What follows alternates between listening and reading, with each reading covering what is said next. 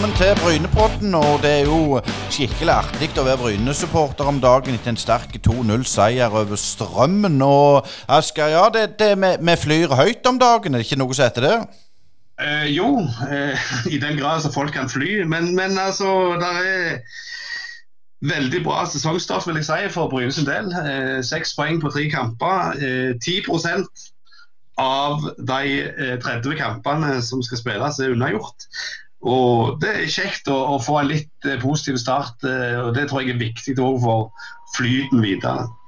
Og i løpet av denne Brynepodden, som er litt dypere, skal vi ha analyse med Even Sehl. Vi skal ta en tur til Hamar og snakke med Kjetil Rekdal. Og så ikke minst skal vi ha en prat med styreleder Geir Pollestad om framtida videre, om det er noe nytt vedrørende daglig leder osv. Så, videre. så vi får bare rett og slett eh, klemme på. og Husk å følge oss gjerne på sosiale medier. Og så ikke minst det, vi blir veldig glade hvis dere kommer med forslag eller ris eller ros. Så plutselig så vanker det noe på den som kommer med det. Jæren har endelig fått en Toyota-forhandler. Jeg heter Jan Terje Mæland, og sammen med mine kollegaer vil vi ønske dere velkommen til Toyota Sørvest sine nye lokaler på Skjøtta ved fylkesvei 44. I butikken har vi nye biler, brukte biler, varebiler, og vi har òg elektriske varebiler. Ta gjerne kontakt med meg, Jan Terje Mæland eller Fredrik Mette, så ordner vi en god deal til deg. Velkommen til oss på Toyota Sør-Vest avdeling Bryne.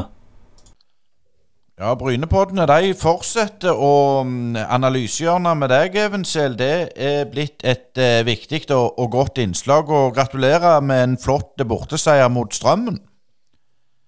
Tusen hjertelig takk, Øystein. Det var veldig gildt å ta tre poeng borte. og Det var en solid, god kamp av oss, og det er gledelig. Eh, men klart, Inngangen til, til kampen jeg, jeg, tenkte, jeg husker Strømmen stadion som en dårlig kunstgransbane, tørr bane. Men, men, dette var jo faktisk et nytt dekke, og jeg så til og med de vanna før kampen. Var dere overraska at det var såpass gode forhold?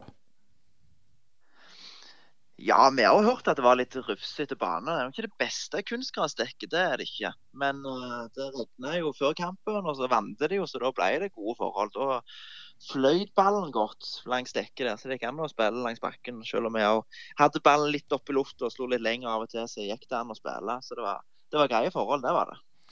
Men eh, Bryne går jo ut i 100 og dominerer i grunnen fra start. Var det det som var tanken? Hvordan, hvordan angrep dere kampen?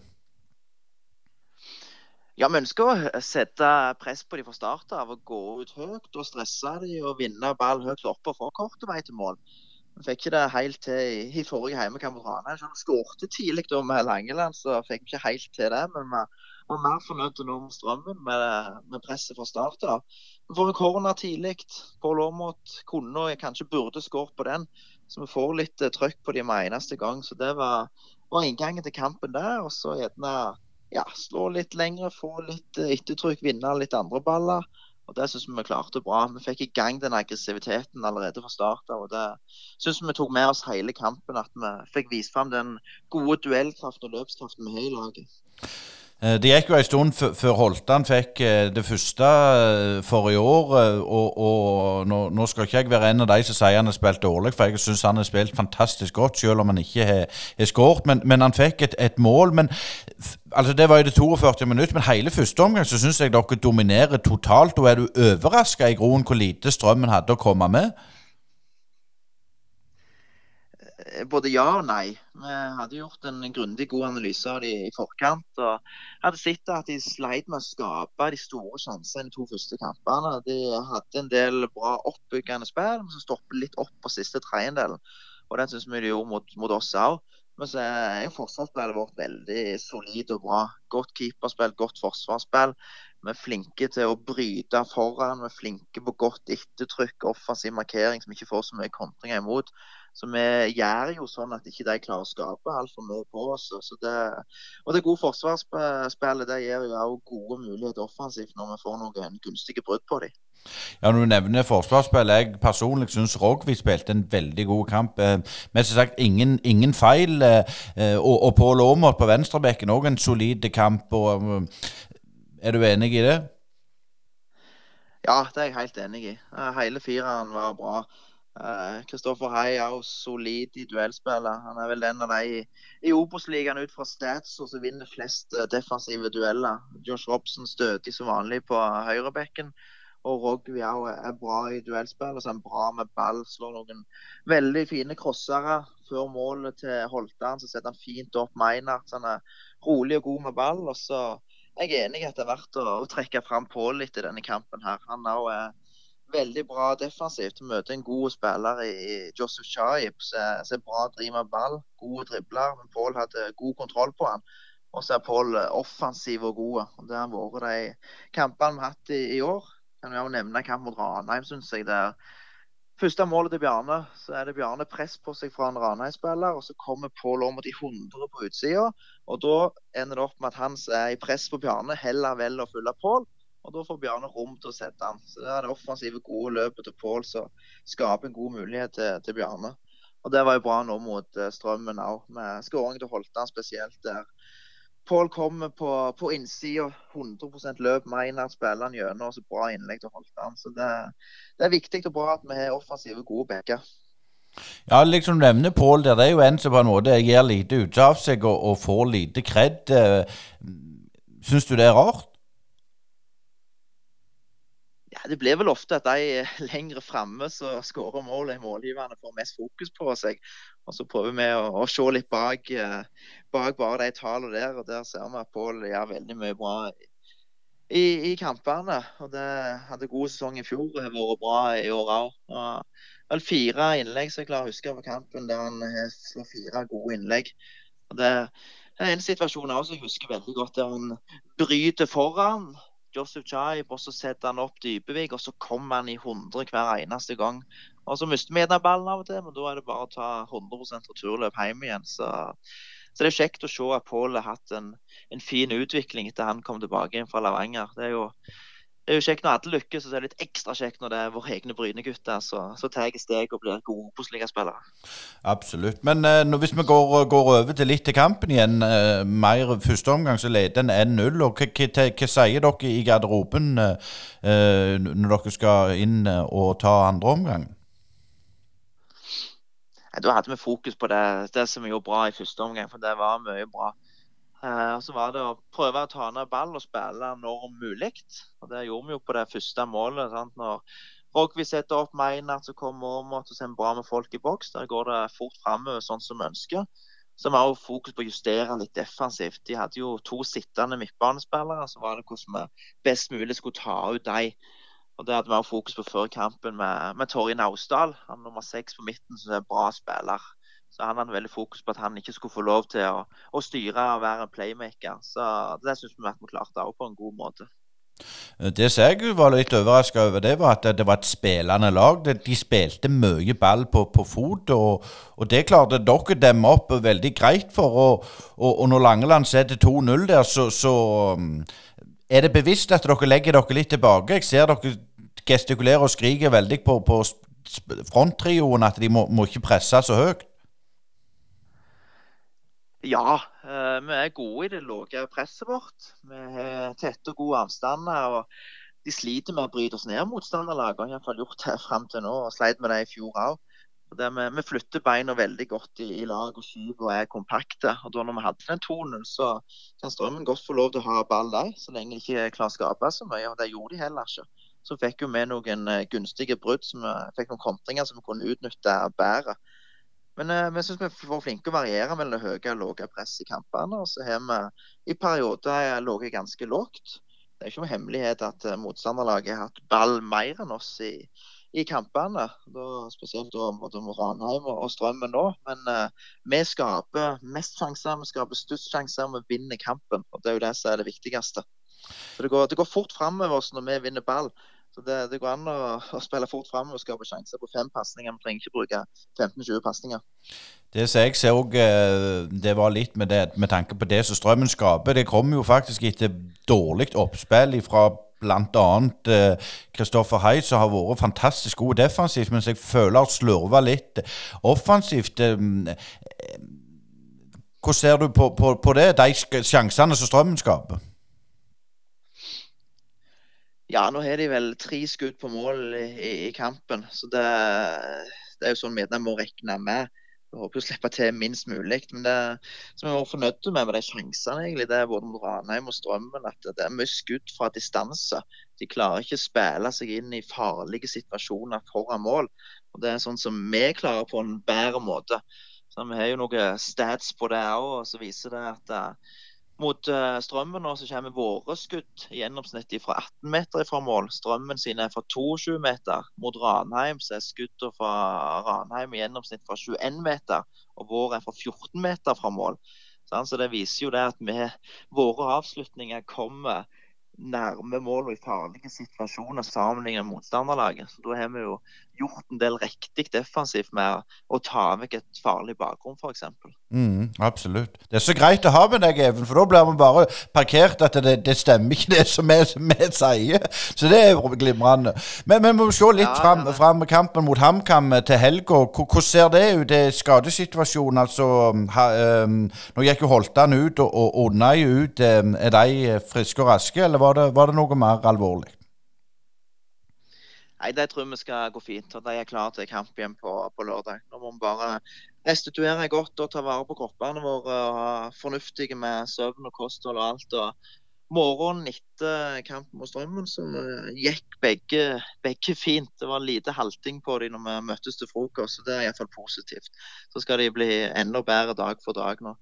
Så er vel eh, Vegard Aasen som sliter litt med dette låret. Lørdagens kamp kommer nok litt for tidlig for han òg. Men så får vi en landskamppause etter HamKam-kampen, så da skal han få trent godt og bygd seg opp igjen og skal være klar inn etterpå. Så vi, vi har hatt lite skader nå i starten utenom Vegard, så det, det må vi være fornøyd med. Helt til slutt, Even, når er det kampen er? Da er det lørdag klokka halv fire på Bryne stadion. Så da må det kunne kalles en toppkamp da, da i fjerde serierunde. Så det gleder vi oss til å få Rekdal og HamKam på besøk. til for det blir nok en tett og jevn kamp, og så får vi håpe at det blir tre nye poeng til Bryne. Det hadde vært gildt. Hei, det er Hanna Kvarneland fra Privatmegleren Jæren. Er du på boligjakt, eller vurderer du å selge boligen din? Vi i Privatmegleren Jæren er ekte lokalmeglere med spesielt god kompetanse og et godt fotfeste om boligmarkedet her på Jæren. Ta kontakt med oss i Privatmegleren Jæren på telefon 51 48 86 00, eller kom innom oss i Torgard og Tor på Bryne. Privatmegleren Jæren. Alt vi forventer, er at du forventer mer av oss. I dag så har vi fått en gjest som er en av Drillos store menn, og en av de beste fotballspillerne som Norge har fostra. Hjertelig velkommen til, til Brynepodden, Kjetil Rekdal. Ja, tusen takk. Veldig hyggelig. Ja, jeg vet ikke, jeg. Eh, det er ikke eh, ofte altså Jeg må bare si det, Kjetil, at um, Asker, min kollega han, han snakket om med Knut Ertesvåg for noen episoder siden. og Det var en av hans store barndomshelter. Og, og du, Kjetil, faktisk en av mine, for du var så typisk eh, unorsk. Så, så, det var utrolig stas at du kunne stille opp i poddene. Men nok om det, Asker. Du har jo eh, lagd en del gode spørsmål. Ja, det får vi jo håpe. Nei, altså, Kjetil, jeg har litt lyst til å, å begynne litt i starten. altså eh, du kommer jo fra en relativt lita bygd eh, der dere vel eh, slo sammen et par lag etter hvert rett etter du ble 11 år. Og kan du si litt, Var det sånn typisk altså, Bygde-Norge? altså Dere spilte fotball på marka til mor kom og sa at nå var det middag? Ja, det var akkurat sånn det var. Og når, På våren så måtte vi jo vente ofte til uh, markene var slått. Så vi maste jo på farfar da, som hadde drev gård. At nå må vi få slått gresset, nå må vi få slått gresset så vi får spille fotball her. Ellers så gikk det jo hardt utover plen og blomster og hekker og trær uh, inne, inne, i hagen. Så bestemor hun sa det at nå Kåre får du gå og slå. Nå så vi får guttene ut ut av hagen her. Så ja, nei, det, det var det vi drev på døgnet rundt. Ja, det stemmer det. Ja, men var det sånn, eh, Måtte du bidra mye med gårdsarbeid og sånn òg, eller var det på vei ut eh, når du var liten? Nei, nei, det, det var vi som drev det. Altså, Jeg og mine to brødre vi eh, fikk jo tidlig ansvar for å ta, ta mye av eh, jobben. Vi kjørte jo traktor og slo silo og passa på dyra. Og, så vi var vi var veldrevne gårdsgutter vi, i, i, veldig ung alder. Så du fikk jo fort veldig mye ansvar. da. Eh, fikk lov å kjøre traktor tidlig. og Det var jo ikke alle i bygda som var like glad når vi kom dundrende. Men vi var ganske ansvarsbevisste, så vi drev ikke med noe tull nei, som fort kan skje. da, Hvis det er tre brødre som skal slåss om hvem som skal kjøre og hvem som skal kaste, eller jevne siloen og trakke og sånne ting. Så det var jo, vi bytta jo på, da, så det gikk jo bra på et utrolig vis. Men eh, altså, dette er jo òg i holdt på å si, tippekampens litt eh, sånn barndom. Eh, hadde du lag som du liksom så opp til på den tida? Du, sånn, du, er jo sånn, sånn cirka Leeds-generasjon. ja, det, det, stemmer. det Leeds var jo laget mitt. Så jeg husker, jeg, jeg ble Leeds-supporter når han ble fratatt eller frastjålet eller fradømt finalen i serievinnercupen mot Bayern München. Jeg lurer på om det var 75. Det er det verste dømminga jeg har sett noen gang.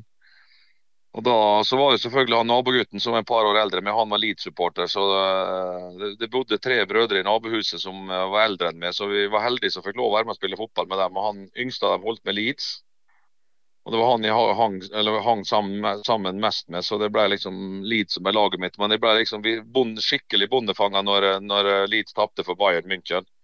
Det var det verste jeg har sett noen gang. At de klarte å, å annullere det målet som Leeds skårte. Og, og Frans Beckenbauer som gikk bort og trua dommeren. Og gjorde om skåringa til offside. og Så ble vel Leeds nytt for et straffespark. som eh, det, Du skal lete lenge opp gjennom historien for å finne et klarere straffespark. Så det var rett og slett tjuveri av, eh, av eh, serievinnercupfinalen. At den gikk til Bayern og ikke til Leeds.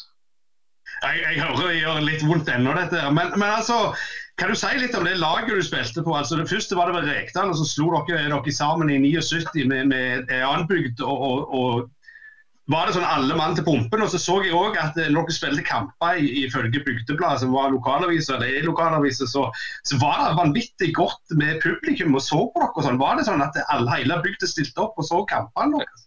Eh, ja, altså selv om det heter Rekdal i starten, så så var jo Rekdal fotballaget. Eh, så fant jeg ut at jeg skulle slå sammen med, altså finne et navn som eh, ibefatta begge bygdene. og Den andre bygda heter jo Fiksdal. Der er jo Jim Solbakken fra. Eh, så da ble det Fiksdal Rekdal ballklubb da, fra 79. Så nei, Det var alle, absolutt alle som måtte være med. det, og Det var mange gutter av oss gutter som spilte på to lag. Altså, det var jo Miniputt som var 8 til 10. Og så var det Lilleputt som var 10 til 12, og så var det smågutt som var 12 til 14, og så var det gutt, gutt guttelag som var 14-16, Så det var flere på min alder som var åtte år gamle som spilte både eh, miniputt og lilleputt, altså mot, opp mot tolvåringer. Så det, det, var klart det var tøffe tak, da, men vi fikk jo spille kamper, og det var det som var gøy. Alle måtte være med, og jeg har sagt jeg bruker å holde sånn foredrag av og til at det var Vi hadde fem fotballspillere, så hadde vi fem pølseetere. Eh, og de eh, Pølsespiserne de, eh, som ikke nødvendigvis trente så mye eller, eller, var ikke kjempeinteressert i fotball, men vi måtte ha dem med. Så De ble jo båret på gullstol etter alle kampene og ble jo skrytt opp i skyene hvor gode de var. Det var ikke måte på hvor vi smørte dem for å få dem med oss at vi klarte å stille lag. Da. Så, men det ble et fantastisk samhold ut av det. da. Så Hele bygda stilte opp når vi spilte kamp. Og så selvfølgelig også I den tida til, til yngre lytter så spilte jo en fra, på store baner fra han var seks eller åtte-sju år og, og, hele livet. Eh, en fikk jo en del sånn gratis kondistrening gjennom en kamp. Da, for Du måtte jo springe ganske langt fra midtbanen til, til, til, til cornerflagget hvis hvis du sprang i den tida.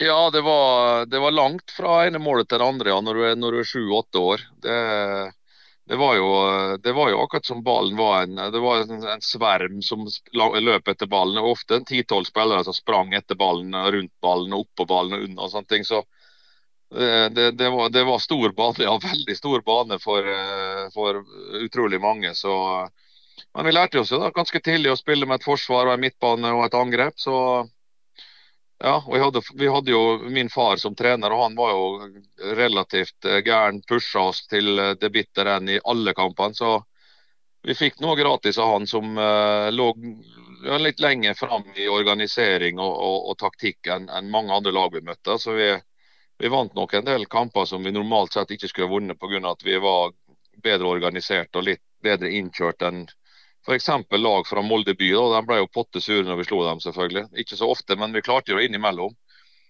Og Ett år så kjempa vi faktisk om kretsmesterskapet òg, så det var jo egentlig en sensasjon at en liten bygd med 300, eller 200 pluss altså 500 innbyggere skulle slåss mot håndplukka spillere fra Molde by. Så det var artig tid.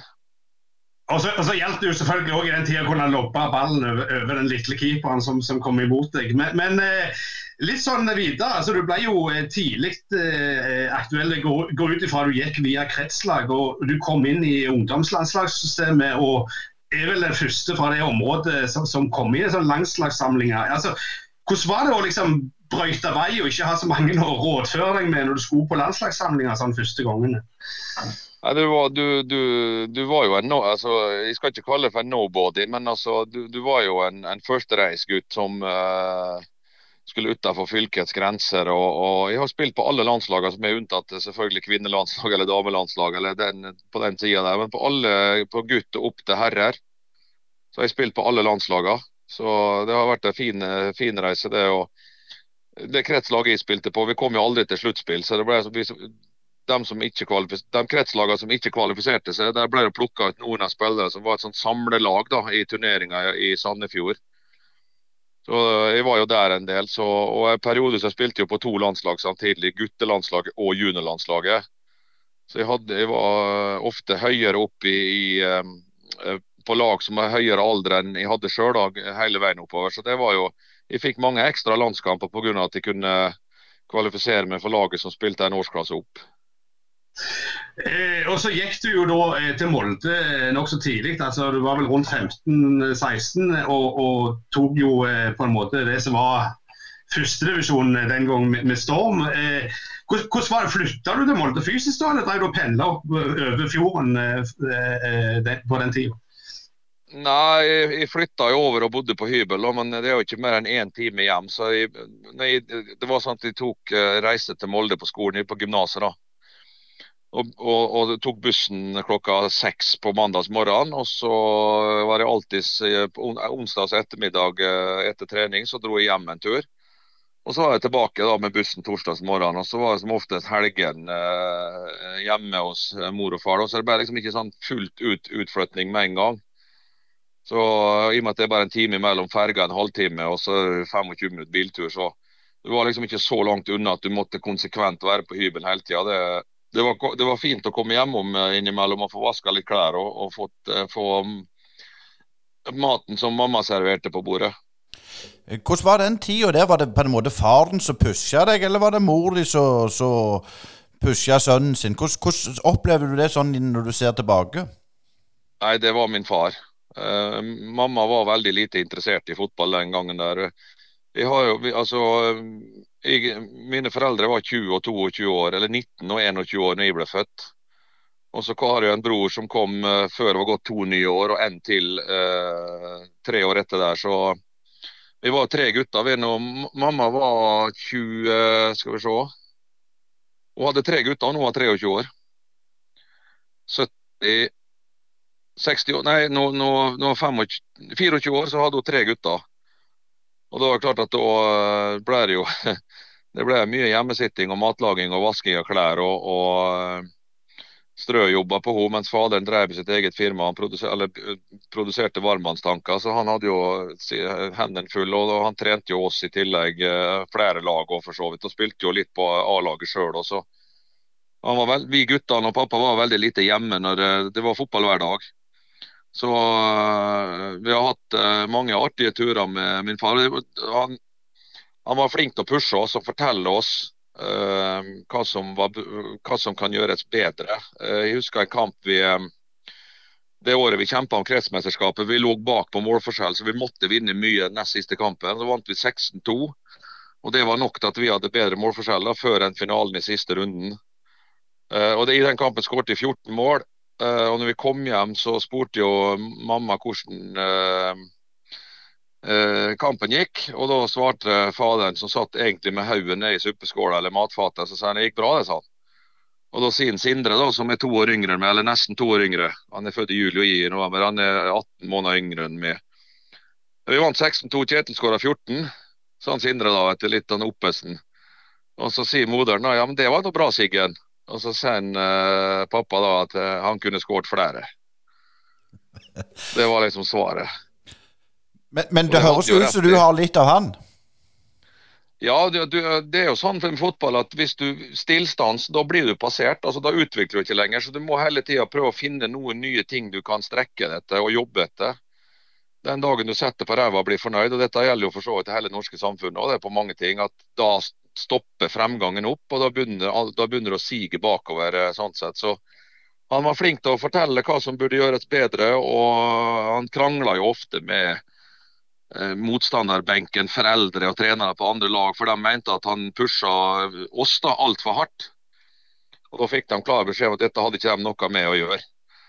Det var han, Hans lag skulle han styre, og de andre folk holdt på med sine andre lag. Altså. Men vi likte det jo. Det og Han var jo ekspert på å skryte av seg guttene som, som fem som vi beskrev i stad, som ikke var så spesielt interessert i fotball, som vi måtte ha med oss for å få stille lag. og De var jo verdensklasse etter hver eneste kamp. ikke sant? Og klappa på skuldra. Fantastisk kamp og god redning og alt. Mens vi, vi fem som syntes det var gøy å spille fotball og gjorde litt ekstra, trente mye sjøl, vi fikk hele tida vite hva vi skulle gjøre bedre. Vi, laget vårt var jo helt avhengig av at vi som spilte fotball og sto opp og trente mest, måtte gi bånn gass, ellers hadde ikke slått noen. Så Han pusha oss, og så skrutna dem som uh, vi var helt avhengige av. Så Han fant en fin måte å gjøre at vi hadde et fantastisk samhold og en trivsel i den gruppa. Når vi reiste på cuper, så gjorde vi det alltid bra. Og det var, det var jo artig. Vi vant vel en cup nede, nede i Gudbrandsdalen en gang, uh, mot Vågå og Lom og Otta. og, og, og vi, Jeg lurer på om vi ikke spilte en årsklasse oppå. Og Det var mange sure gudbrandsdøler som, som tapte for et lite, lite lag fra lite, to små bygder fra, som kom fra Romsdalen, som var med som gjestelag første, første turneringa. Jeg husker vi dro derfra, det var stort. Når, når det var bare sure tryner som sto igjen. og et, et gjestelag kom ett år yngre enn dem og i tillegg kom og vant. Ja, det var enda lukka at du ikke forstår dialekten der oppe omtrent. Eh, det er jo en av de vanskelige dialektene oppi der. men, ja, den, men ikke, den når, når, når du kom, kom, til Molde, da. altså Molde er jo ikke, Det var jo ikke helt det samme selvfølgelig som det er i dag. Eh, en etablert eh, toppklubb. Eh, litt gamle storheter og litt sånn unge talent. Og så kommer du inn i den gruppa der. Hvordan, hvordan, var den overgangen altså over til, til Hermetegn bylag? Nei. Nå, nå, det, nå, var det jo sånn at Molde var på uh, i, for så vidt flere ganger for å få dem over til å begynne å spille på guttelaget og juniorlaget deres, som var for så vidt i nærheten av, av norsktoppen. Uh, men jeg ville jo gjøre ferdig skolen først. Uh, og, og, men jeg, fikk jo da, før jeg gikk til Molde, muligheten å trene med A-laget. Dra over når det var mulig. Og Jeg var jo på trening da når Joe Hooley kom, f.eks. Og det var jo en helt annen verden enn jeg kunne se for meg. Altså, ekstremt taktisk ekstremt disiplinert. Enorme krav til spillerne. og Blåste av treninga og ga spillerne huden full for at de sto én meter feil.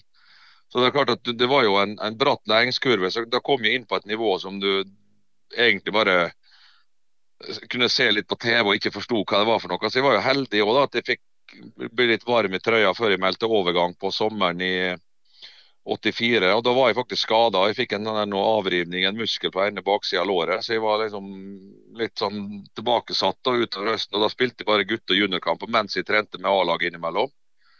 Og Fra januar av 1985 så var jeg fullverdig medlem fra, i Asdalen. og Da gikk det jo egentlig ganske fort. Men eh, Stein Olav Hestad er jo en gammel legende.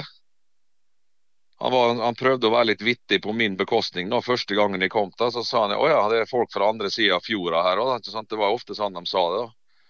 Så sa jeg ja, du, du, skal få lov, du skal få merke det, sa jeg i løpet av treninga. Og jeg hadde noen durable dueller med han som 15-åring. så sant? Jeg hadde jo ikke respekt for disse guttene i hele tatt. De gikk jo på med krum hals. Det er eneste måten jeg gjør det på. så ble, de, de, skjønte fort ut at her kom det en spiller som skulle opp og frem. Og plassene deres var ganske fort trua på laget. så det gikk ganske raskt. Men, men da, da du jo, tangerer du den der såkalte mopedalderen. Altså, hadde du noen plan B, eller var du så målbevisst at du visste det var fotball du ville leve av? Altså, Norge var jo ikke profesjonelt på den tida, skikkelig iallfall. Eh, visste du at det var den veien du ville gå, eller hadde du noen slags plan B? Nei, jeg hadde ingen plan B. Eh, det var eh, å, å komme lengst mulig i fotball. Jeg har aldri hatt moped. Jeg har aldri brydd meg om sanne andre ting. Det var fotball eh, døgnet rundt og, og, og, trente så mye som overhodet mulig. Og Jeg hadde jo muligheten til å gå til Young Boys Band som 16-åring. Da hadde jeg vært i Molde eh, etter den turneringa på, på Bømlo eller Stord, den firenasjonesturneringa. Jeg skåret sju mål på fire kamper der. Da hadde jeg masse muligheter til å gå til utlandet. og Da satte mamma seg fullstendig på bakbeina og sa du får ikke lov å reise noen plass før du har gjort ferdig gymnaset. Jeg vet Faderen var i skvis. Han ville nok på ei side at de skulle reise, eh, og på den andre sida så følte han vel det at han måtte følge følge mammaen min sine knallharde beslutninger. Så da var det liksom handle om bare å få ferdig skolen og komme seg utenlands. Og det klarte jeg jo da. Så jeg nådde jo det målet. Havna i Borussia München-Gladbach i 1988, på slutten av 1988 der. Så jeg kom meg ut når jeg var 19 år. Men, men burde, så... Ja. Ja jeg, burde, jeg, burde, jeg, burde, reist før. Jeg burde dratt den første gangen. Jeg tapte, altså, ikke noe på det, men jeg, jeg hadde nok uh, fått uh, Norge var jo amatør på den tida. Eliteserien trente Molde, da, som jeg spilte for fra jeg var jeg var så vidt fylt 16, 16 år og 3, 4, 5 år i mai. November. Ja, 16, 16 15 år da, kanskje, omtrent akkurat.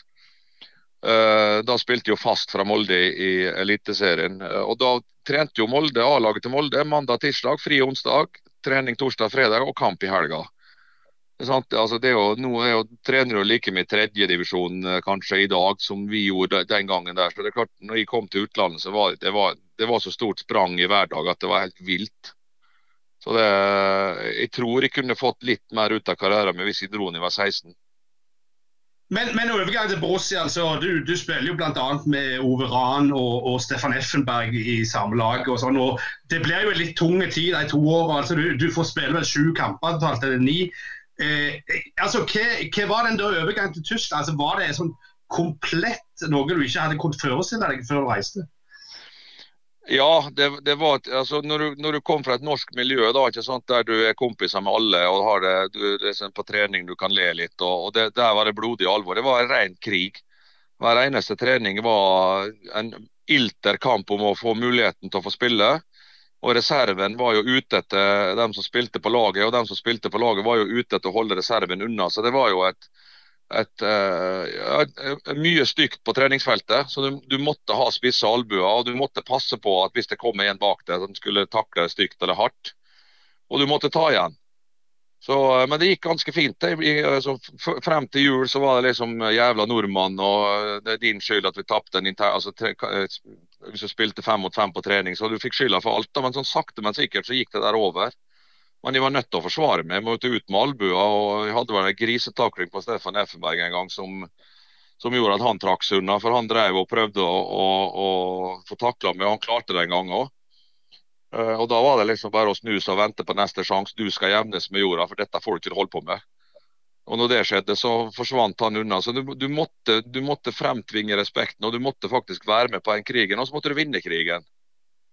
Og eh, Det gikk eh, noen måneder, og så fikk jeg lov å debutere mot Bayern München faktisk 1.4 i 1989. Og Da hadde ikke Bayern München tapt på 13 måneder, og vi klarte å slå dem to igjen. og Det var liksom debuten min. og Etter den dagen der så var jeg en av, en av gjengen. Grunnen til at de spilte så lite, da, det var at det var en utlendingskvote. Som gjorde at de havna liksom, ble sittende på benken som tredje utlending og ikke ble bytta innpå. Fikk ikke den spilletida jeg kunne fått uh, kommet innpå, eller kanskje starta noen kamper i, i, større grad enn jeg gjorde. Så Jeg ble på en måte blokkert ut av, av det. da, Men det var en fantastisk læreskole å skjønne hva profesjonell fotball er og hva som skal til. uh, første tida, så jeg bodde jo på Bøke, rett ved siden av stadion Bøkelberg. Bøkelbergstrasse bodde jeg. var 200 meter bort. Det var sånn at Jeg gikk, dro bort på trening, trente, spiste og måtte sove. Jeg var helt utslitt etter trening, så var det et ny trening på ettermiddagen. Så den første tida da gjorde jeg ingenting annet enn å spise, trene og sove. Det var, det var ikke mulig å gjøre noe annet. Og det, det, var, altså, det, var, så mange klasser i nivå opp at du, du, det var skremmende egentlig når du, når du kom dit. Da. Men jeg, jeg, klarte å ta det steget, og da etter hvert så var det jo, jo inne i gruppa. da. Så, men den utlendingsregelen den koster meg en del, en del, kamper og en del muligheter. Det, det er jo ikke tvil om. Men, men, hvordan var det på den tida? Altså, Tyskerne på den tida var jo ikke sånn der at de snakket engelsk hele gjengen. og sånn. Altså, Måtte du liksom lære deg språk aktivt kjapt, eller hadde du litt fra gymnaset som du kunne bygge videre på? Eller måtte du begynne på null? Jeg, jeg, jeg hadde, jeg hadde, tysk som eh, valgfag på, på skolen, men jeg, jeg hadde jo så mye for, eh, fravær fra skolen. Jeg, jeg, spilte jo for Molde, og det betydde jo at du var borte fra skolen på treningsleir og av og til på kamper midtuke og, og sånne ting. Og så spilte jeg på to landslag. Så jeg husker hver gang jeg måtte inn på rektors kontor. og han sa ja, det begynner å bli mye fravær her, rektor. Sånn. Ja, men vil du at de skal melde forfall til en landskamp, da? Eh, nei. Men du må ta med leksebøkene dine og, og og gjøre jobben. og Det er klart det var ikke mulig nå ute og reise. ikke sant? Så det ble mye sånn skippertak på skolen på gymnasene. Jeg klarte å komme gjennom det, da, men eh, jeg hadde vel i snitt 30% fravær i året, minst, av skoletida. Det går jo ikke i dag. Men den gangen så jeg slapp gjennom nåløyet da, på en måte. Så jeg var heldig sånn sett. Jeg kunne jo hatt en rektor som sa tvert nei. Så Da hadde det jo ikke gått å kombinere. Men da, da var det ikke sånn som det er nå, altså fotballgymnas eller idrettsgymnas. Det, det var en eh, ren realfagsskole, ikke sant? så det var jo steintøft. Så Det ble mye skippertak når du skulle ha prøve og, og sånne ting. At du måtte sette av en dag eller to for å pugge eh, stoff flere uker bakover i tid. Fordi at du rett og slett ikke hadde mulighet til å få gjort leksene dine fra dag til dag. Så det ble sånn Ja, nå må jeg lese for den siste uka. Og da eh, måtte jeg sette av tid til det. Så, men det var jo Jeg kom gjennom det òg på et vis. Eh, jeg var glad når jeg var ferdig med, med gymnaset, men jeg har aldri fått bruk for det, så det var jo egentlig bare bortkasta. Du må ikke si det, det er bortkasta. Da liker ikke lærerne deg, vet du. Men, men jeg tenker Nei, Jeg har bortkasta av den grunn at jeg ikke har fått brukt for det. Altså, Jeg har ikke tatt noe utdanning videre, så jeg har jo levd innen fotballen fra jeg var 16 år, egentlig. Mm. Men når du kom til Tyskland der med tanke på at de var så langt mye lenger framme enn en norsk fotball Sånn akade, akademigreie og sånn, var det det? Eller når du, dere kom som unge spillere, var det noe, noe der? Ja, du hadde vel, ja, hadde vel et sånn amatørlag, vel ikke spillere som var i vannskorpa, da, på en måte. Men du hadde ikke akademi, nei. Sånn noe, øh, det hadde du ikke. Men du ja, det var, Hvis det kom noen skader. Men du hadde, altså, du hadde mange spillere i stallen, så det var jo fryktelig trangt om plassen, selvfølgelig. Og som jeg sa, Da var det en utlendingskvote om at du hadde lov kun bruke to utlendinger på banen. Og det, det, var noen klubber som hadde tre utlendinger. og Jeg tror jo at, at Borussia München Gladbach kjøpte med fordi at han så med som et pros, pros, prosjekt som skulle utvikle seg litt med tida her. Men så gikk det såpass fort da, at de klarte å ta det steget og begynte å pushe på for å være aktuelt å spille. Som gjorde at det ble eh, en, en, en komplisert situasjon for, uh, for, begge parter. Sånn Utlån og, og, og, det å skifte klubb og sånne ting den tida der. Sant? Det var jo det er ikke sånn som det er nå. ikke sant? For Da kunne jeg gått på utlån i en periode og spilt i en, en annen klubb eller eh, for å fått, uh, fått spilt mer. da. Så, men for meg så var det helt avgjørende for å nå såpass langt som jeg klarte som fotballspiller, at jeg fikk den der nå Jeg kan godt kalle det for en militærleir i ett og et halvt år.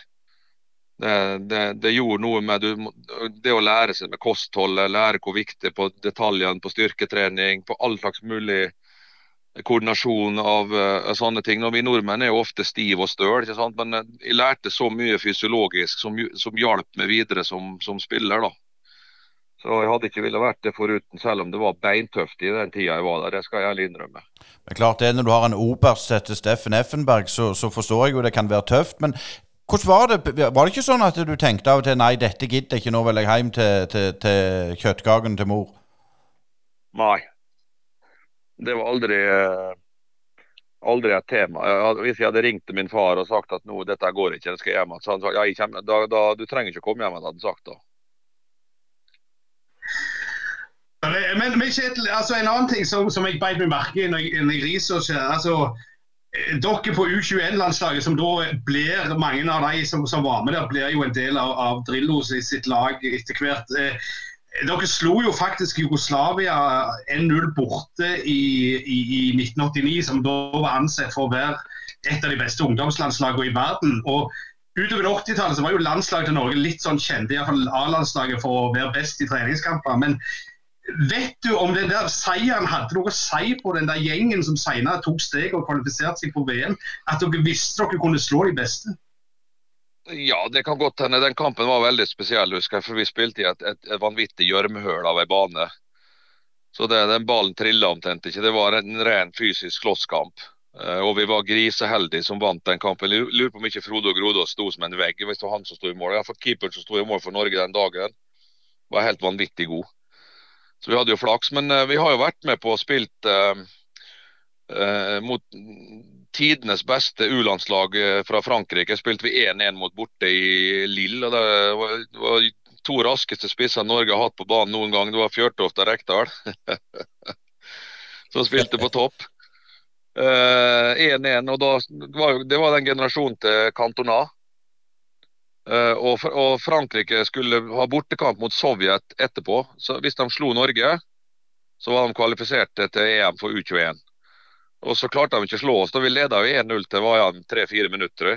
Så uh, det var jo en enorm prestasjon, uh, det. Og så dro vi derfra til Øst-Tyskland og spilte 1-1 der mot et meget godt østtysk U-landslag. Så innimellom så fikk vi noen gode gode resultat på, på de yngste landslagene. Så det, jeg, jeg, har vært heldig sånn sett at det liksom, i verste tida til Norge så tapte du hele tida.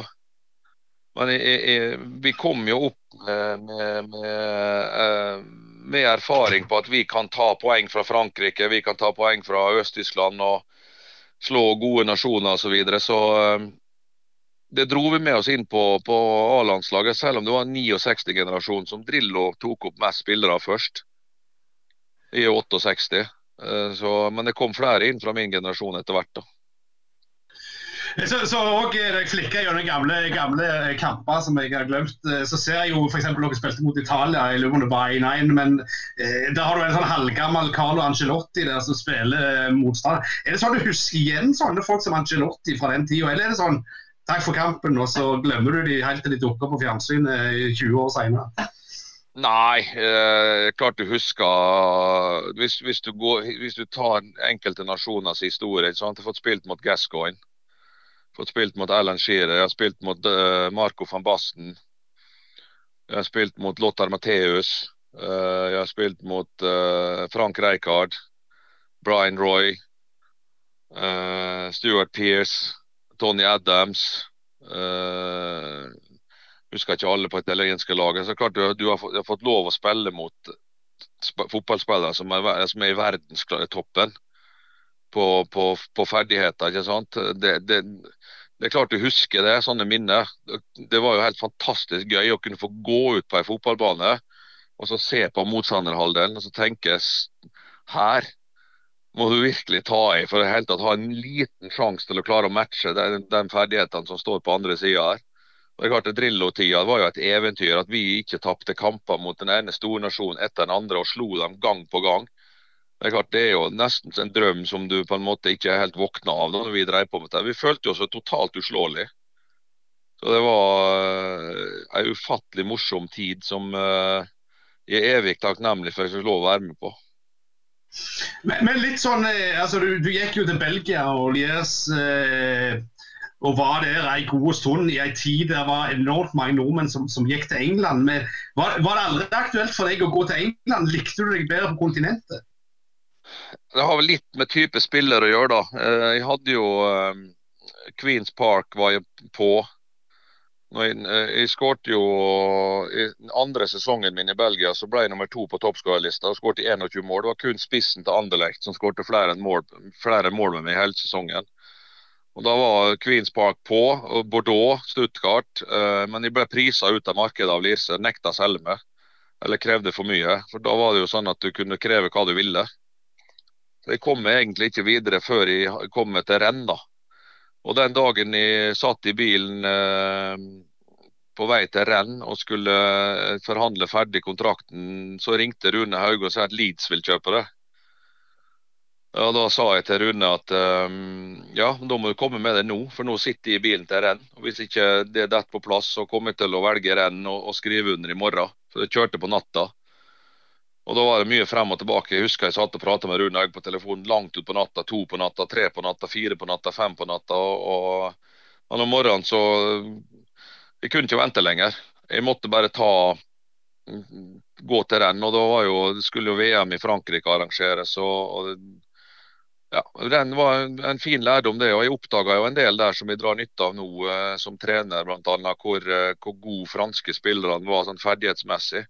Det var helt umulig å se forskjell på en spiss eller en forsvarsspiller i, i, i basisferdigheter. Det var, det var, helt vilt. Og da jeg brukte jeg litt tid på å studere akademia som uh, var der. og Fra renn jeg spilte jo sammen med Sylve Wiltord f.eks. Og han uh, Michael Sylvestre som var i Manchester United, og Wiltord var jo i Arsenal. De var på laget som jeg spilte sammen med. Så det er klart jeg fikk jo se så ungguttene de var litt yngre enn meg, komme opp og frem sånt, gjennom akademiet til renn, og, hvordan de var ut, utdanna som fotballspillere. Det var helt rått å se på. Ja, Hvis vi ser på den lille Da, da, ser vi vel mest på en sånn sjuårsperiode fra, Gladbach til, til renn. Så du en stor endring i europeisk fotball på den tida?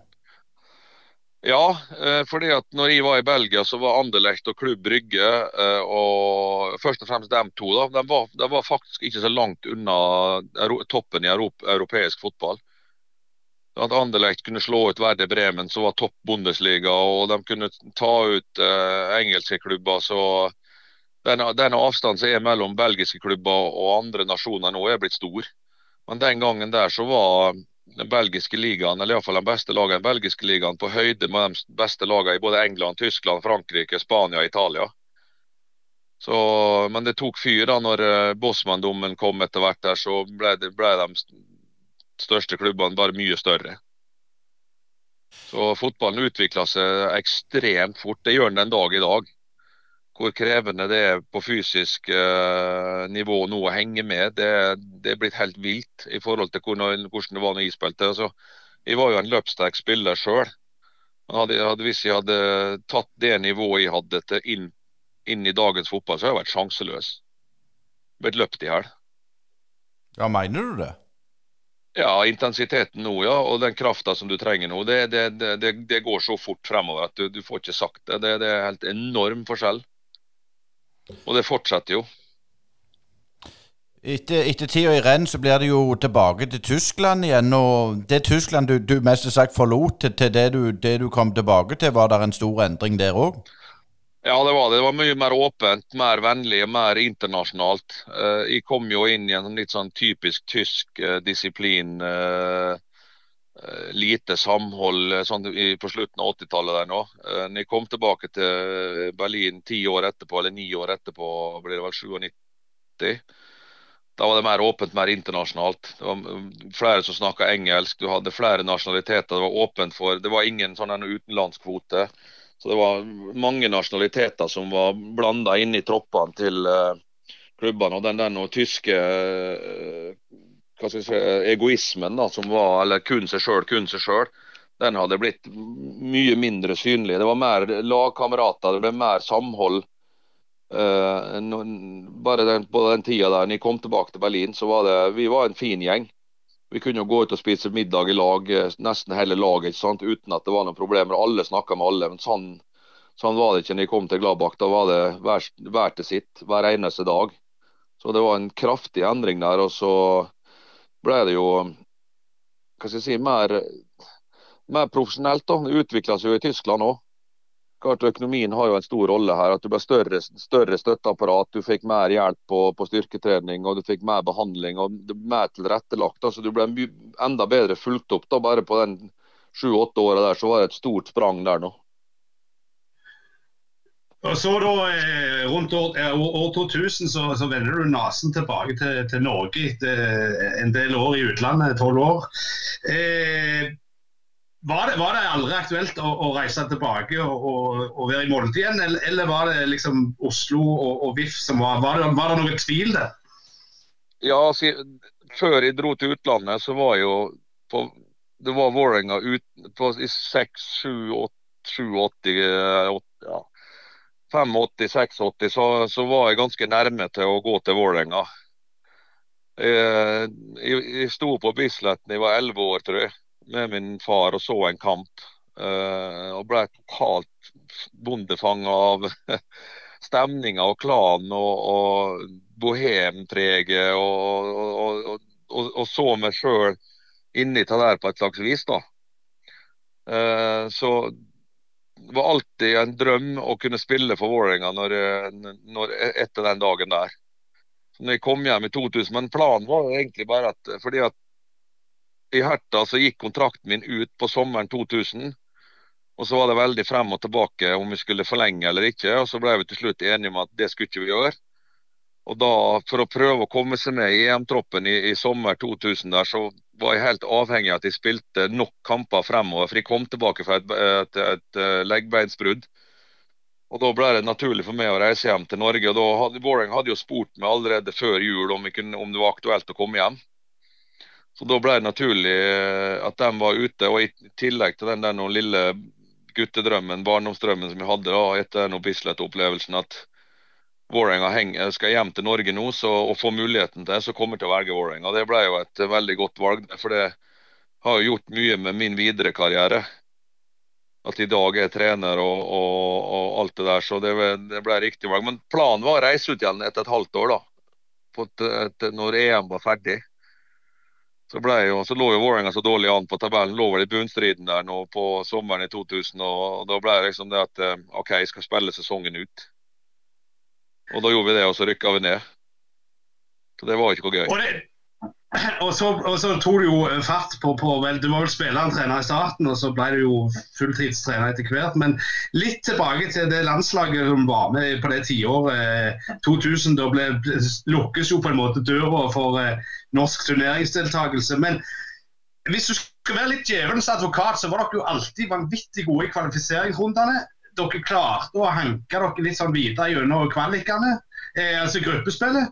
Og så stoppet det da opp eh, f.eks. den famøse kampen mot Italia eh, der de var ti mann, og en åttendelsfinale. og Senere har vi jo sett andre skandinaviske soner, til og med Island har kommet lenger i turneringa. Altså, har du noen forklaring hvorfor, hvorfor det stogga der? Var det uflaks med trekninger, eller, eller, var det andre ting som spilte inn i den turneringen? Det første jeg tenker på er at vi var ikke gode nok til rett tid.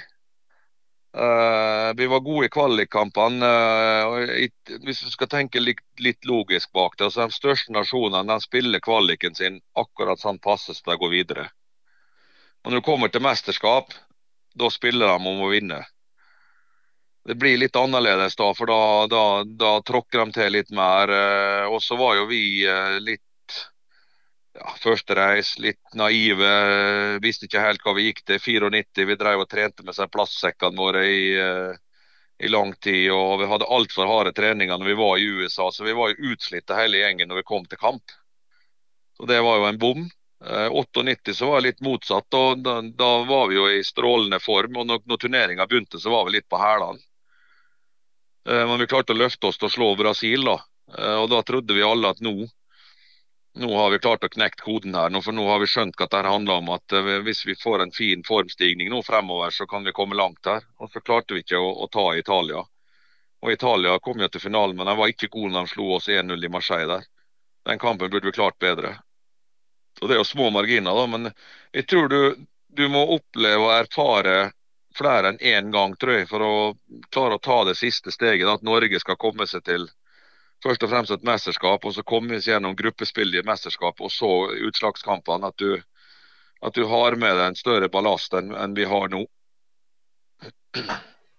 Men, men, har du noen god forklaring? Altså, Fotball har utvikla seg selvfølgelig, men eh, det ble gjort mye trening. mye. Eh, dere la et grunnlag. Det var jo et, et U21-lag som kom til, til, ble nummer tre vel i, i, i 2013, eh, som en forventa store ting av så slo ikke det helt til. Altså, 20 år er det gått siden Norge var i et mesterskap. Eh, sånn, hvis du skulle sitt, eh, se fra utsida og innsida, hva tror du har skjedd med norsk fotball som ikke gjør at de har klart den der, akkurat den der lille ekstra å tape i kvalikkamper mot Ungarn osv.? Nei, altså, det jeg tror det er størst manko på, er mentalitet. At du, du, at, du er, at du, er, til stede når det skal avgjøres. Sånn, vi har jo hørt om, om uh, nå, skal vi, nå, skal vi, feie over det laget, nå skal vi lage en E6 på den sida der. du når, når, når, stundens alvor er, så er vi faktisk ikke gode nok. For vi, vi, vi, klarer ikke å få ut det vi, det vi burde. Uh, og da Det er jo sånn det at når, når, du virkelig sliter, så må noen stå frem. Og, og, og den ledertypen hadde jo Drillo-tida en hel haug av.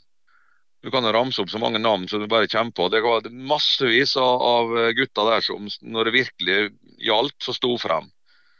Men Den nye generasjonen eh, de har ikke samme muligens, Ikke bare muligens, de er jo selvfølgelig mer talentfulle, mange. Men de har ikke noe killerinstinktet i seg godt nok, fordi at de alltid har hatt et sikkerhetsnett. Så nå Hvis du ikke får spille på en klubb nå, da bare går du til neste. Du tar ikke opp kampen og tar ikke opp fighten til å virkelig eh, bryte ned den hindringa som står foran deg. Du bare unnviker den, da, kan du si. Og Det er litt farlig. Eh, men Det jobbes godt i, i, i norsk fotball nå, men vi må jobbe med mentaliteten til, til spillere nå. At du tåler en støyt. At det liksom ikke er sånn at treneren ser dum hvis du blir satt ut eller bytta ut. Da er det for prestasjonen din er ikke bra nok, eller at det er andre ting som spiller en rolle her. Da må du bare spytte i votten og bite tennene sammen og, og krige det tilbake og utvikle de tingene du nødt til å bli bedre på, istedenfor at det er alle andre sin skyld. Og det, det, skal du opp og bli en vinner eller en, en som du kan lite på i, i, avgjørende kamper, ja, da må du ha en sterk mentalitet. Og Der, der, der har vi et problem. Men, men litt tilbake til, til, til, din barndom, Rekdal. Du er jo en som har eh, virkelig stått fram det gjelder skåre mot Brasil i VM, skåre på Wembley. Eh, har det noe med den bakgrunnen du har, eh, tror du, der du har oppvokst? Sjølsagt. Det er klart De fikk jo høre det at det var eh, ting å strekke seg etter. Og, og dem de spiller mot nå, det er ikke dem du skal hvis, Det sa pappa at de er bestandig. Hvis du har lyst til å, å, å, realisere drømmen din, så kan du ikke sammenligne med dem du driver og spiller mot nå. For de er ikke i nærheten av gode nok på det du kommer til å møte. Så du må, du må, jobbe med tingene dine, strekke det. Du må bli bedre på det, bedre på det, bedre på det. Og det var jo sånn de ble jo besatt av det, da. At du, at du gikk ut på og trente på pasninger, trente på skudd, trente på finte, trente på, på løpskapasitet. Alt. At de hele tida fant noe som vi kunne jobbe med og forbedre med på. Det, det blir jo en sånn der noe uh, som vokser seg fram. da, At du skal klare litt til, du skal klare litt til det, klart, det er ikke alt du klarer, men at du, du blir bedre. Du klarer å utvikle det eh, fortere enn andre da, fordi at du, du er såpass ærgjerrig og så oppegående og tydelig på hva du skal ta tak i. Det er klart Hvis du får høre hele tida at du er jævlig god, så øh, det, det, det, er jo den generasjonen som vokste opp.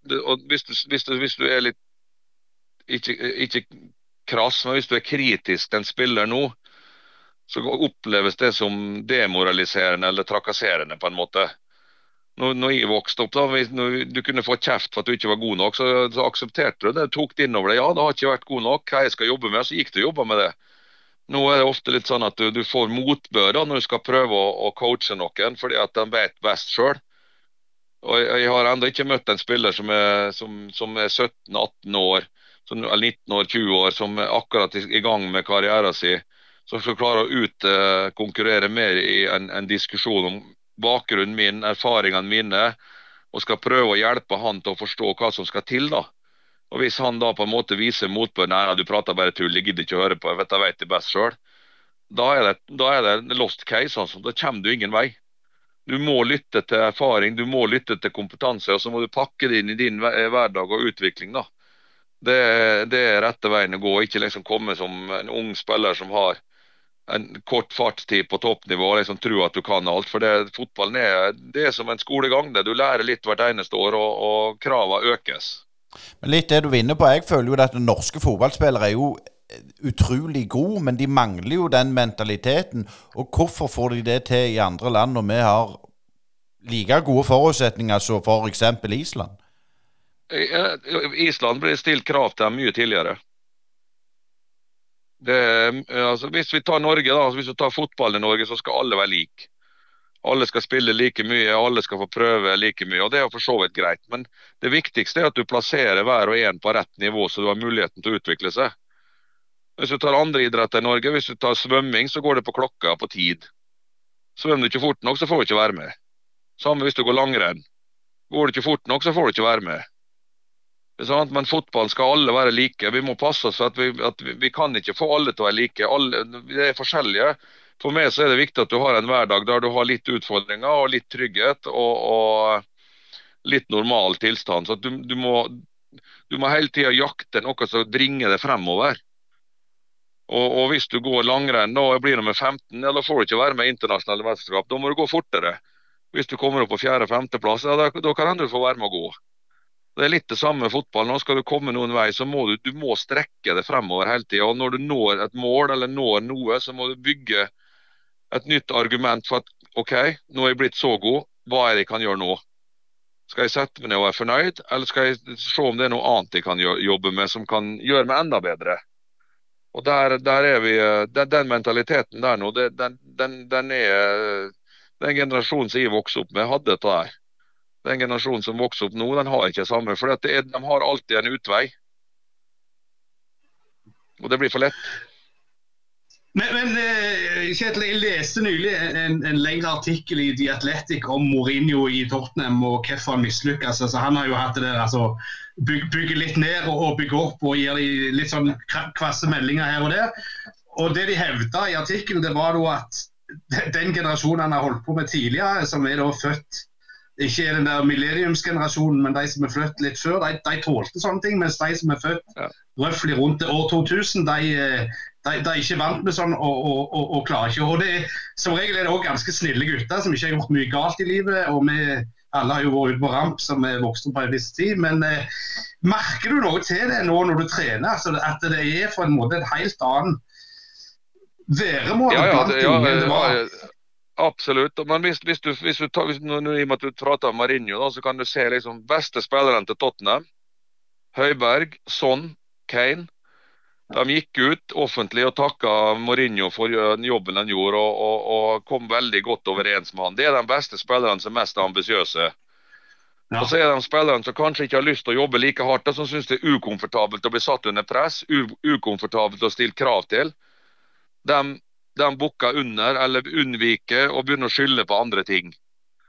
Så det er litt blanda, eh, det der. Og hele, hele karrieren til eh, Mourinho så har de beste spillerne som har virkelig utvikla seg og tatt steg, de har vært kjempefornøyd med den.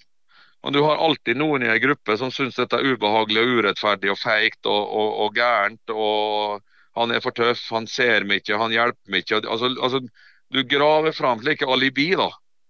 Bruker, når vi, når hvis vi taper en fotballkamp, da, så sitter jeg og hører på en, kan jeg for gå inn i garderoben og høre på en spiller han steiker hvor dårlig og tapte 3-0.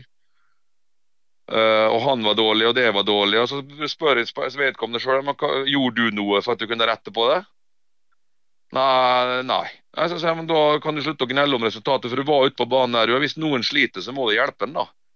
Da får, da får, du, komme med, da får du komme med mer, bedre prestasjon eller ta tak i ting sjøl.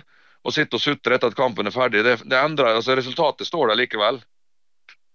Så Du må på en måte kommentere spillerne til at en ting at du har ansvar for din egen prestasjon, men du har også ansvar for alle andre rundt deg og hjelpe dem hvis de trenger det. Du kommer ingen vei med å sitte og si at alle, alle andre var dårlige, men jeg var god. Men resultatet står jo der. Det står 0-3 på tavla uansett hvor mye du prater deg sjøl god. altså. Så det, det, det, er et lagspill og det er, det er en kollektiv sport. Og Da må du ta tak i andre og hjelpe til når det virkelig butter imot, og ikke bare peke på andre og si ja, ja, hans skyld, hans skyld. Altså, ja, du tapte tapt jo likevel. Og der, der, er jeg ganske sikker på at Mourinho han, han går på hver eneste spiller og prøver å grave fram noen prosent. Noen syns det er ubehagelig å, å, å, trekke til seg, krype inn i skallet sitt og syns nei, dette blir feil, og, og takler det ikke, tåler det ikke, og, og begynner da med unnskyldninger for at de ikke presterer. Det er jo sånn å være fotballtrener, du skal jo pushe spillerne dine til, til det limit. Og Så går du kanskje noen ganger over, og så får du gå tilbake. Men du, du må jo pushe spillerne hvis du ikke stiller krav til spillerne dine. Ja, da, da, kan du ikke være fotballtrener heller. Men det, det er måten du gjør det på som er det, det diskusjonstemaet oppi her. No, noen kjefter. Det kan være rett én gang, men neppe over tid. Noen gir bare ros og klapp på skuldra. Det kan være rett, det kan være rett en periode, men òg neppe over tid. Hvis du bare får klapp på skuldra hvis du taper kamper. Det, altså, det hjelper jo ikke. Så du, du, dette er jo et psykologisk spill. da, at du ris, ros, provokasjon, eh, skryt. altså Alt mulig som henger inni der for å prøve å maksimere en prestasjon til en spiller. Du, som leder eller som trener så har du ansvar for å prøve å gjøre alle spillerne bedre enn de er når du starter med dem. Og Så er det noen som klarer det, og noen klarer det ikke. Men, men du eh, var jo eh om ikke, ikke i årevis, så iallfall en, en stund ute av trenergjerninga før eh, HamKam eh, var på tråden. Eh, eh, du kommer til en klubb som, som, har slitt økonomisk de siste åra. Eh, dere ligger sist på tabellen i Obos, og PostNord eh, lyser i horisonten. hva grep gjør du da? Du skal tilbake i manesjen igjen. Du har et lag som er liksom litt sånn halvdømt allerede. Hva, hva gjorde du som grep for å få skuta litt på kjøl igjen? Nei, Det første du gjør, det er at du, du, du har jo en tanke. Et lag som taper kamper hele tida, må du prøve å få stoppa den tapsrekka. Så at du får noen opplevelser og noen erfaring som du kan ta med deg og bygge videre på. Eh, og når du har klart å stoppe den tapsrekka, så skal du prøve å få uavgjort den på en måte over i seier Da, da løfter du lista litt opp. Og så er det jo sånn at en spiller må erfare at det funker. Altså Drillo han hjerne, altså Jeg skal ikke si at han hjernevasker oss, men han lurte oss jo egentlig mange ganger. Han sa at eh, hvis vi gjør sånn og sånn og sånn, og sånn, så har vi en sjanse til å slå Brasil. Og Det var jo sånn at vi nesten lo av det. ikke sant? Jeg har ikke tro på det nå. Men vi, vi, var jo såpass lojale at vi gjorde det han sa da. Og når vi gjorde det, så oppdaga vi oi, vi har faktisk sjansen til å slå Brasil nå fordi at dette her fungerer. Og da, da, skjer det noe med, med, mentaliteten og med tryggheten og sjøltilliten. Da tar du plutselig et stort steg da, i, et jafs for at du føler at du har sjans. Det er klart Hvis du går på banen og tror du taper, så taper du hver gang. Så du, går, du må gå på banen og tro at vi har en sjanse til å vinne. Og hvis vi klarer å gjøre tingene våre da, oftest mulig riktig, så øker den sjansen til at du kan få et, et, godt resultat ut av det. Så Det var det det begynte med. og Så må du finne en måte å spille på som gruppa er komfortabel med som bygger, bygger, et lag da, som, eh, som, begynner å ta poeng. Og når du begynner å ta poeng, så ja, da, da må du legge på neste, neste, stein på byggverket ditt. Og Sånn er det egentlig du holder på hele tida. Så det har vært, det har vært ei, ei, fantastisk reise. ikke sant? Altså, vi har, eh, vi har tapt to kamper av de siste 18 fra sommeren i, i, fjor, altså runde to, høstsesongen i fjor og starten på årets sesong, så har vi tapt to kamper.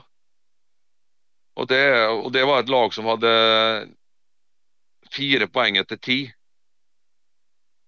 Så det, det er en, en, vanvittig forskjell her. da, ikke sant? Og så er det jo det er jo ikke sånn at vi har kjøpt inn spillere eller eh, noen endringer i troppen. Det er jo, det er jo med alle, for så vidt. Men tankegangen er den samme. og Nå, nå har vi løfta lista litt høyere.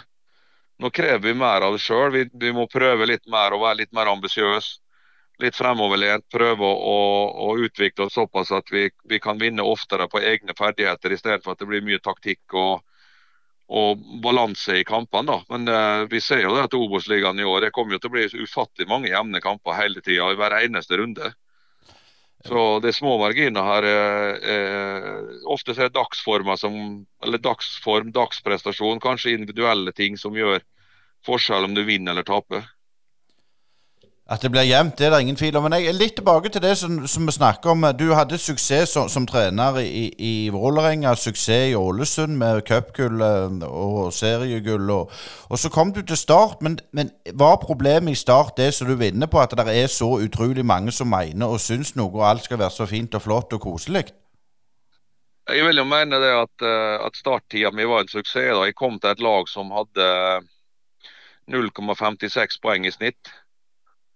Og I min tid så tok laget 1,25 poeng i snitt. Og Da starta det med et lag som tapte tok ett poeng på ti kamper, eller hva for noe. Eller, eller noe sånt. De hadde 0-1-9, 1-1-9 de, de hadde tatt fire poeng på 11, eller to, eh, på, 12, eh, på 11 kamper før de kom. Og hadde tapt, ikke bare tapt, du var egentlig ute ut av kampen til pause hver eneste gang. Du lå under 2-0 og du lå under 3-1. altså Kampene var tapt tidlig. da. Så Det ble jo litt det samme der. Snu, at du, må, du må liksom du kom inn der med, med flere ideer om konsepter, og så blir du på en måte kjent med spillerne. Så begynner du å plassere den ene etter den andre i rolle, så du vet dette håndterer han. Dette kan han kove, og, få sjøltillit av. og dette liksom, det bygger, bygger styrken til hele kollektivet opp. da. Men det er klart, Nå skal jeg ikke snakke så mye om Start, for det er ikke vits i. Men det er klart at du, du, er inne på noe når du sier det at uh, det var mye rart som skjedde der. Det, det kan vi vel si. Og så lar vi være der nå. Men, men Kjetil, altså, både, både VIF, eh, HamKam og Start er jo lag som, som har kjent i norsk fotballhistorie. Mens Ålesund er jo midt. Altså, det var jo ikke noen faktor når du vokste opp annet enn i, i lokale kamper. men er det en forskjell på å ta over en klubb som har de der historiene i veggene, enn en, en, klubb som Ålesund, som er på en måte sånn, litt sånn nykommer inn i, i toppsjiktet? Ja, det kan du godt si. På, på, altså, både ja og nei. Altså, du, du, har historien og, og, og, kulturen som klubben har stått for. da. Det altså Vålerenga skal jo være et lag som er fremoverlent. Det er klart, Du, du kan ikke trene Vålerenga og, og ligge i forsvar uh, og ikke ha offensiv slagkraft og underholdning og, og, det å vinne kampene på egne ferdigheter som utgangspunkt. Hvis, du kan ikke legge et Vålerenga-lag på egen 16-meter og ligge og pakke inn kampene dine og håpe på at du skal vinne en annen gang på, på tilfeldigheter. Det går bare ikke. Det, det, det, kan, det, kan, du starte med f.eks. i Ålesund. Ålesund lå i bunnen av Eliteserien kom dit da. Du, du, begynner jo å bygge laget ditt bakfra. Uh, og Ålesund ble jo etter hvert et veldig godt fotballag som, skårte mye mål og hadde Barantes der og hadde gode spillere som var underholdende å se på. Så, du, du, du, må jo bygge grunnlaget ditt i at du får nok poeng.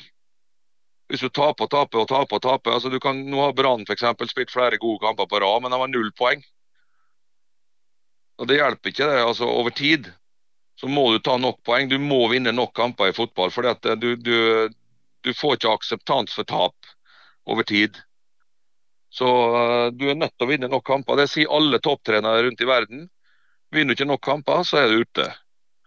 Så, men det er klart, jo flere kamper du vinner, jo lettere er det å, å ta det neste steget. Da, ikke sant? For at du blir tryggere og du blir bedre. Uh, og, du, og, du, kan bli underholdende og du kan bli at du skårer mye mål og alt sånne ting. Men det, det, du, du, må ha den tryggheten og den balansen i laget, ellers er det ikke mulig å få det til. Hjelper ikke å skåre tre mål hvis du taper 4-3. Det er gøy å se på i ny og ne, men jeg er ganske sikker på at uh, nær 100% av supporterne til den klubben vil heller vinne 1-0 enn 4, og tape 4-3 altså i, i, det lange løp. Det, det, det kommer du ikke utenom. Så det, det, er jo en konkurranseidrett. Så Antall poeng bestemmer tabellen. Jo flere poeng du tar, jo høyere på tabellen kommer du. Og så er det jo uh, utvikling av produktet ditt. da, ikke sant? At uh, at du må ha et lag som uh, spiller den type fotball som ligger i kulturen. HamKam har alltid vært kjent for et fysisk sterkt lag, hardtarbeidende, pondus. Og det, det, prøver vi å bygge opp igjen nå. da, ikke sant? Og, og, ok, Nå har vi kommet dit, da, men vi prøver å ta et steg til at vi skal bli velspillende. Uh, og kan styre kampene i større grad enn vi, vi, har, vi, vi kunne gjøre i høst. Eh, og, og, hva vi har gjort de første tre kampene. Det har, altså, vi kjørte jo over Stjørdalsblink i starten og fikk tre raske mål. Så Den kampen var jo avgjort for så vidt. Koffa lever jo helt til sluttsekundene, og det gjorde det for så vidt i går òg. De to andre kampene har vært sånn typisk Obos-kamper. Der er det veldig lite som skiller om du vinner eller taper. Men nå blir det jo en toppkamp eh, på lørdag mot Bryne. og mm, Hvordan ser du på den kampen? To eh, aristokrater, mest sagt, i fotball, hvis vi går noen år tilbake iallfall. Ja, og det syns jeg er utrolig morsomt for, eh, for historien. Og at Bryne, Fredrikstad HamKam, som har vært langt unna i mange mange år nå, men som har en, en god historie inn i, i norsk toppfotball, er tegn tyder på at det går oppover for alle tre, iallfall. Og det syns jeg er stas. Det syns jeg er veldig stas. For det Hvis du får flinke folk til å jobbe med det, så klarer du å få, få fart i saken. Bryne har en erfaren trener, Jan Halvor Halvorsen, som har vært ute på masse ting. Har fått lov å holde på en stund. Satt sitt preg. Og så hadde sikkert Bryne da, etter å ha hatt økonomiske vanskelige år, nå vet jeg ikke hvor mye de har brukt av pengene som de har fått inn for Haaland, men de har fall kanskje gitt dem en trygghet. da. At du ikke mister spilleren din. Hvis du får opp én god spiller, så blir han borte helt. At du kan, at du kan holde på med en tropp i, i litt lengre tid. Så klarer du å bygge opp igjen. Så jeg regner med Bryne som uh, et topp seks-lag etter det jeg har sett så langt. Da. Jeg vet ikke hvor stor stallen til Bryne er. Jeg så dem mot Ålesund. Tapte ufortjent. Ble kanskje bortdømt. Så uh, det blir en beinhard batalje på lørdagen på, på Jæren mellom HamKam og Bryne. Det er vi forberedt på. Det er jeg ganske sikker på at, at Bryne er forberedt på. så det blir, ikke, det, blir ikke, det blir, ikke, en soft kamp, nei. Det kan jeg aldri tenke meg at det blir. Så, og For min del så er det, å komme litt tilbake til Jeg skal ikke si tilbake til røttene, for jeg er jo ikke derfra. Men å komme tilbake til der jeg var i ungdomstida mi. Jeg begynte å spille fotball på toppnivå. Jeg var jo på Bryne stadion et par ganger. Jeg både tapt der i en serieåpning, tror jeg, i 1986, kan jeg stemme? Nei, 87. Mm. Og vant der i 86. Da skåret jeg faktisk mål på straffesparket også som 16-åring, så det var litt uh, han Lars Gaute Bø som sto. Da vant, vi, da vant Molde 3-1. I 1987 så tapte vi 2-0 der i serieåpninga, det husker jeg. Så husker, 2-1 2-1 tapte vi. Johan Berg skårte. så husker jeg at det var vel en kvartfinale i cupen du spilte når du var på Vålerenga, stemmer ikke det? Det er, det er også riktig, den tapte vi 3-2. Det stemmer. det stemmer. Og så vant vi vel med Vålerenga 4-3. En, en, Vi snudde, lå under 3-1 og vant 4-3.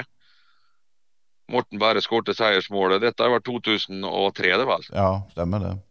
Så det, det var annenhver gang, da. Så vi Ja, håper at det er min, tur- min tur å vinne igjen.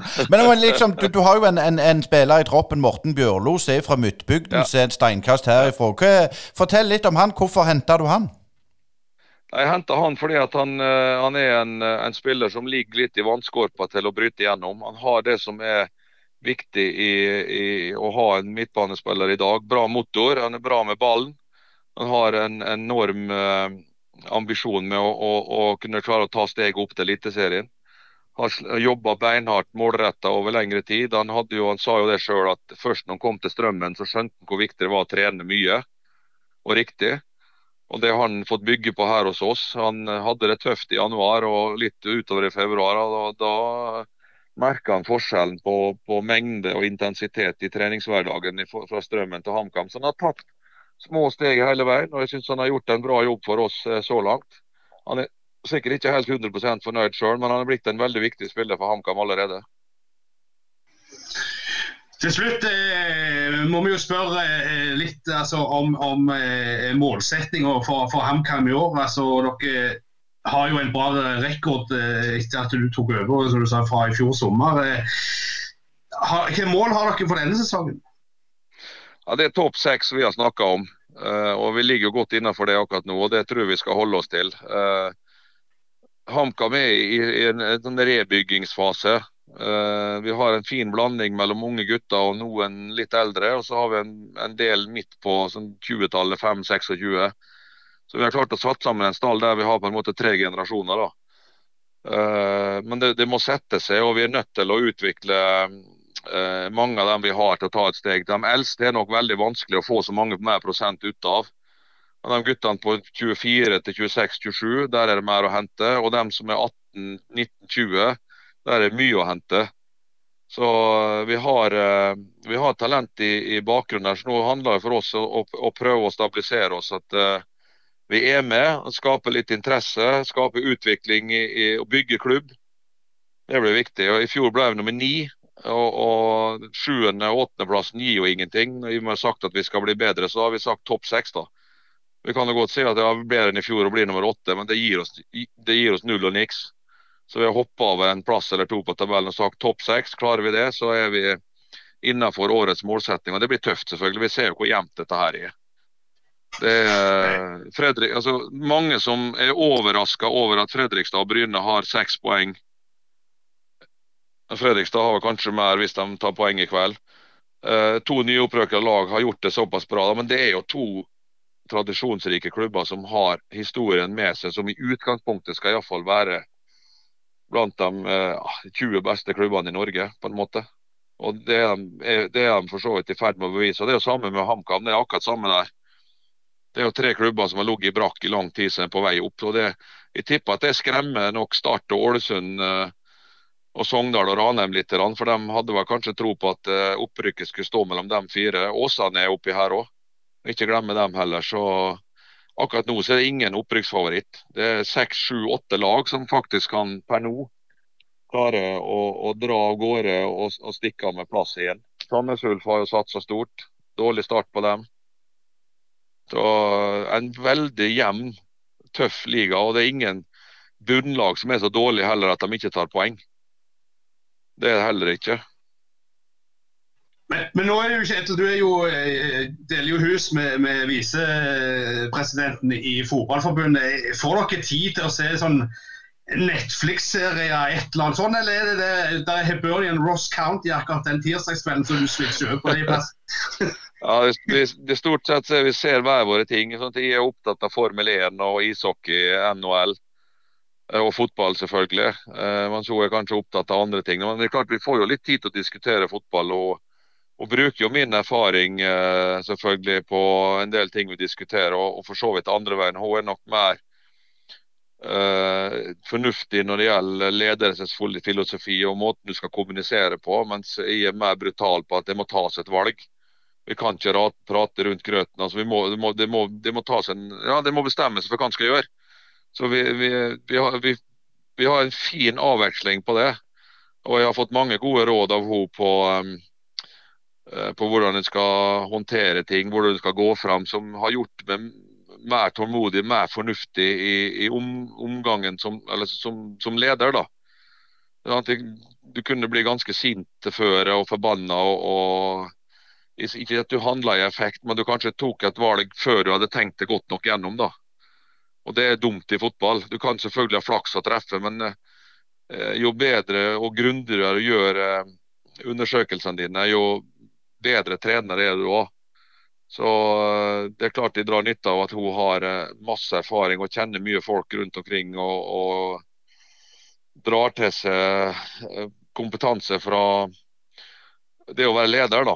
Du er jo leder når du er trener òg, men det er klart de er litt mer hands on det går mer fra dag til dag, og, og, du har dårligere tid til å ta valg. Da, men så skal strategisk tenke i det lange løp. Da, så har vi gjort en formidabel jobb nå med uh, det å prøve å få pushe breddeidretten på plass og, og, stille krav og, og få, um, få ordna, på ting. Hun har jo vært leder i kretsen her på, i Indre Østland og har gjort en enorm jobb der. Så hun er fotballsmart på ledelsesnivå.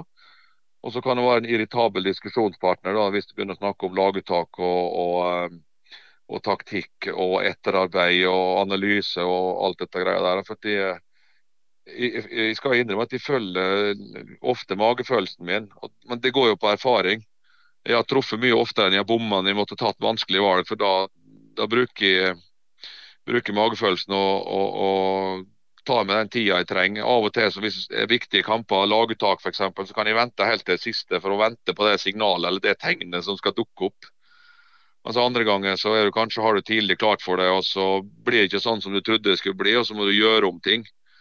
Så vi, vi lever jo i en trommel, vi som er fotballtrenere, for det er jo aldri en dag som er perfekt. Det er alltid utfordringer der, uansett hva du snur og vrir på det.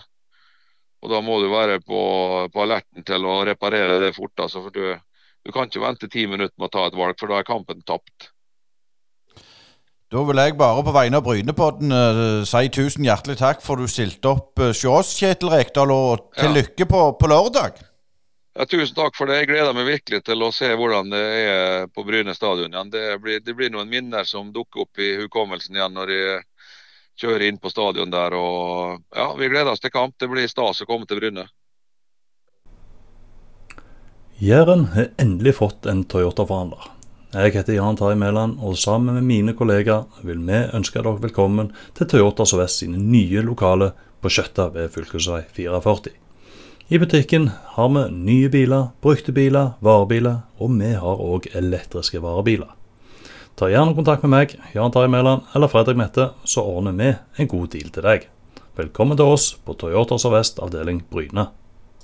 Brynepoddene de eh, kjører toget videre, og nå skal vi over til styreleder i Bryne FK, Geir Pollestad. Velkommen uh, igjen til, til Brynepoddene. Jo, takk skal du ha. Vi kan jo si uh, i, i, i Sist gang vi, vi snakket, så, så var, var, alt fryd og grammen. Det er det for så vidt sportslig, men det har jo vært litt sånn turbulent med tanke på en daglig leder som gikk av pga. litt økonomiske uh, ting der. Eh, har du lyst til å si noe mer om det? Nei, det, det er noen sånne humper i veien som, eh, som, kommer. og Jeg tror vi har håndtert det eh, effektivt og, og, og, greit, og så strengt som nødvendig. Så, så det, Nå er vi ferdig med den saken. Nå ser vi eh, framover. Og der ser det, det ser lyst ut i horisonten. Jeg tenker litt på, på Det er to ting som jeg vil, vil stille spørsmål der. Har, har Bryne tapt noe økonomisk på dette? Og hvis saken, eller hvis ikke saken, er politianmeldt, hvorfor for, for det? Nei, Vi har kommet fram til en eh, minnelig løsning som gjør at Bryne fotballklubb ikke eh, taper noe eh, økonomisk. Eh, og Da har vi funnet det best eh, for alle parter å eh, avslutte den saken og, og se framover. Eh, Da må vi jo litt inn på, på nye daglig leder, for nå gikk jo den stillingsannonsen ut i, i var, vel i sist uke. Hvordan er status der? Er der kommet inn mange eh, aktuelle søkere, og har Bryne aktivt tatt kontakt med aktuelle? Nå spør du mye. Det som jeg kan si, det er jo at vi er i prosessen eh, med dette. Vi skal snakke med, med litt folk eh, og, og, prøve å få oss eh, et bilde. Jeg er nokså trygg på at vi skal eh, om ikke altfor lenge eh, greier å ha på plass en ny daglig leder for, eh, for Bryne. For Det er viktig, en viktig stilling å ha for, eh, for, klubben. Men jeg kan ikke gå inn mer på detaljene rundt dette. og Det er av hensyn til de som har, har søkt og de som står, eh, står oppi dette. Men, men, hadde dere barn bra med søkere i antall, uten at du skal nevne hvem? altså Er det interesse for jobben? Ja da, det er det det er jo en, det er jo en attraktiv eh, jobb. Og vi så at eh, både folk lanserte egen kandidatur, og noen lanserte andres kandidatur, og andre bare søkte. Så det, det, var interesse rundt, det har vært interesse rundt stillingen. Og folk er jo opptatt av hvem som blir ny daglig leder i, i Bryne. Det er jeg kjempeglad for, for det er en viktig eh, post. Eh, og så har jo vi fra, fra styret etterlyst i, i stillingsannonsen hva, hva egenskaper og hva verdier eh, vi er ute etter. Ja, Dere nevnte jo noe der med å, å, å gjøre noe med stadionutbygging. Eh, er det noe nytt eh, rundt det? Nei, det er, ting, det er litt ting på, på, på gang eh, sånn som, som, rører seg. Men ikke, ikke, noe som jeg kan gå veldig konkret inn på. Men, men det er klart eh, ting ligger altså En trenger ikke være stor spåmann for å si at noe må vi gjøre med, med, med Jærhallen. Eh, den må, må oppgraderes.